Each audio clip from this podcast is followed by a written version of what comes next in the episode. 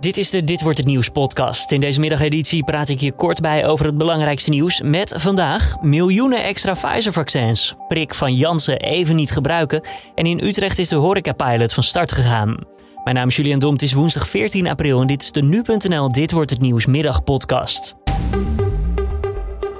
Miljoenen extra coronavaccins van Pfizer. Ja, de EU krijgt in het tweede kwartaal al 50 miljoen extra doses. Dat heeft Ursula von der Leyen, de voorzitter van de Europese Commissie, zojuist bekendgemaakt. Ze is blij met de levering. I want to thank BioNTech Pfizer.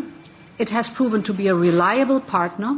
It has delivered on its commitments and it is responsive to our needs. De levering stond aanvankelijk voor het eind van het jaar gepland, maar door de vlottere levering komt het totale aantal van Pfizer in de EU dit kwartaal al uit op 250 miljoen.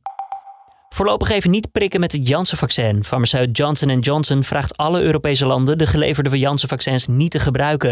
Het is een voorzorgsmaatregel tot er meer duidelijkheid is over de trombosegevallen die in de VS opdoken nadat mensen met Janssen waren geprikt.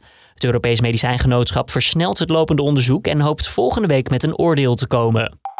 De Nationaal Coördinator Terrorismebestrijding en Veiligheid ziet dat de coronamaatregelen kunnen leiden tot geweld. Dat staat in een analyse die de NCTV zojuist heeft gepubliceerd.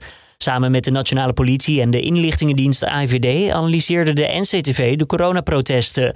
En daaruit blijkt dat de maatregelen een trigger kunnen zijn voor sommigen om tot geweld over te gaan. Ondanks het nieuwe rapport blijft het dreigingsniveau onveranderd op aanzienlijk staan. Rondom staalfabriek Tata Steel in de regio Eimond komen veel meer gezondheidsklachten voor dan op andere plekken in Nederland.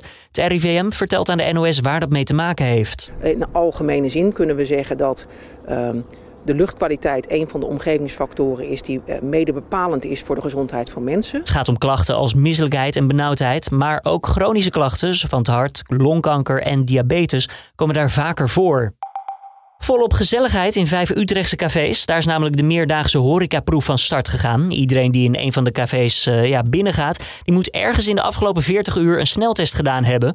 De Utrechtse burgemeester Sharon Dijksma is erg positief over de pilot. Dat zegt ze bij de NOS. Daar ben ik heel trots op. Ik denk dat het heel mooi is voor Utrecht dat wij dit experiment mogen doen. Daar hebben we ook hard voor gewerkt, uh, samen met de GGD in Utrecht. Het Outbreak Management Team staat er iets anders in. Zij vinden dat de regels voor proefevenementen strenger zouden moeten worden. Zo zouden de sneltests niet 40, maar 24 uur geldig moeten zijn.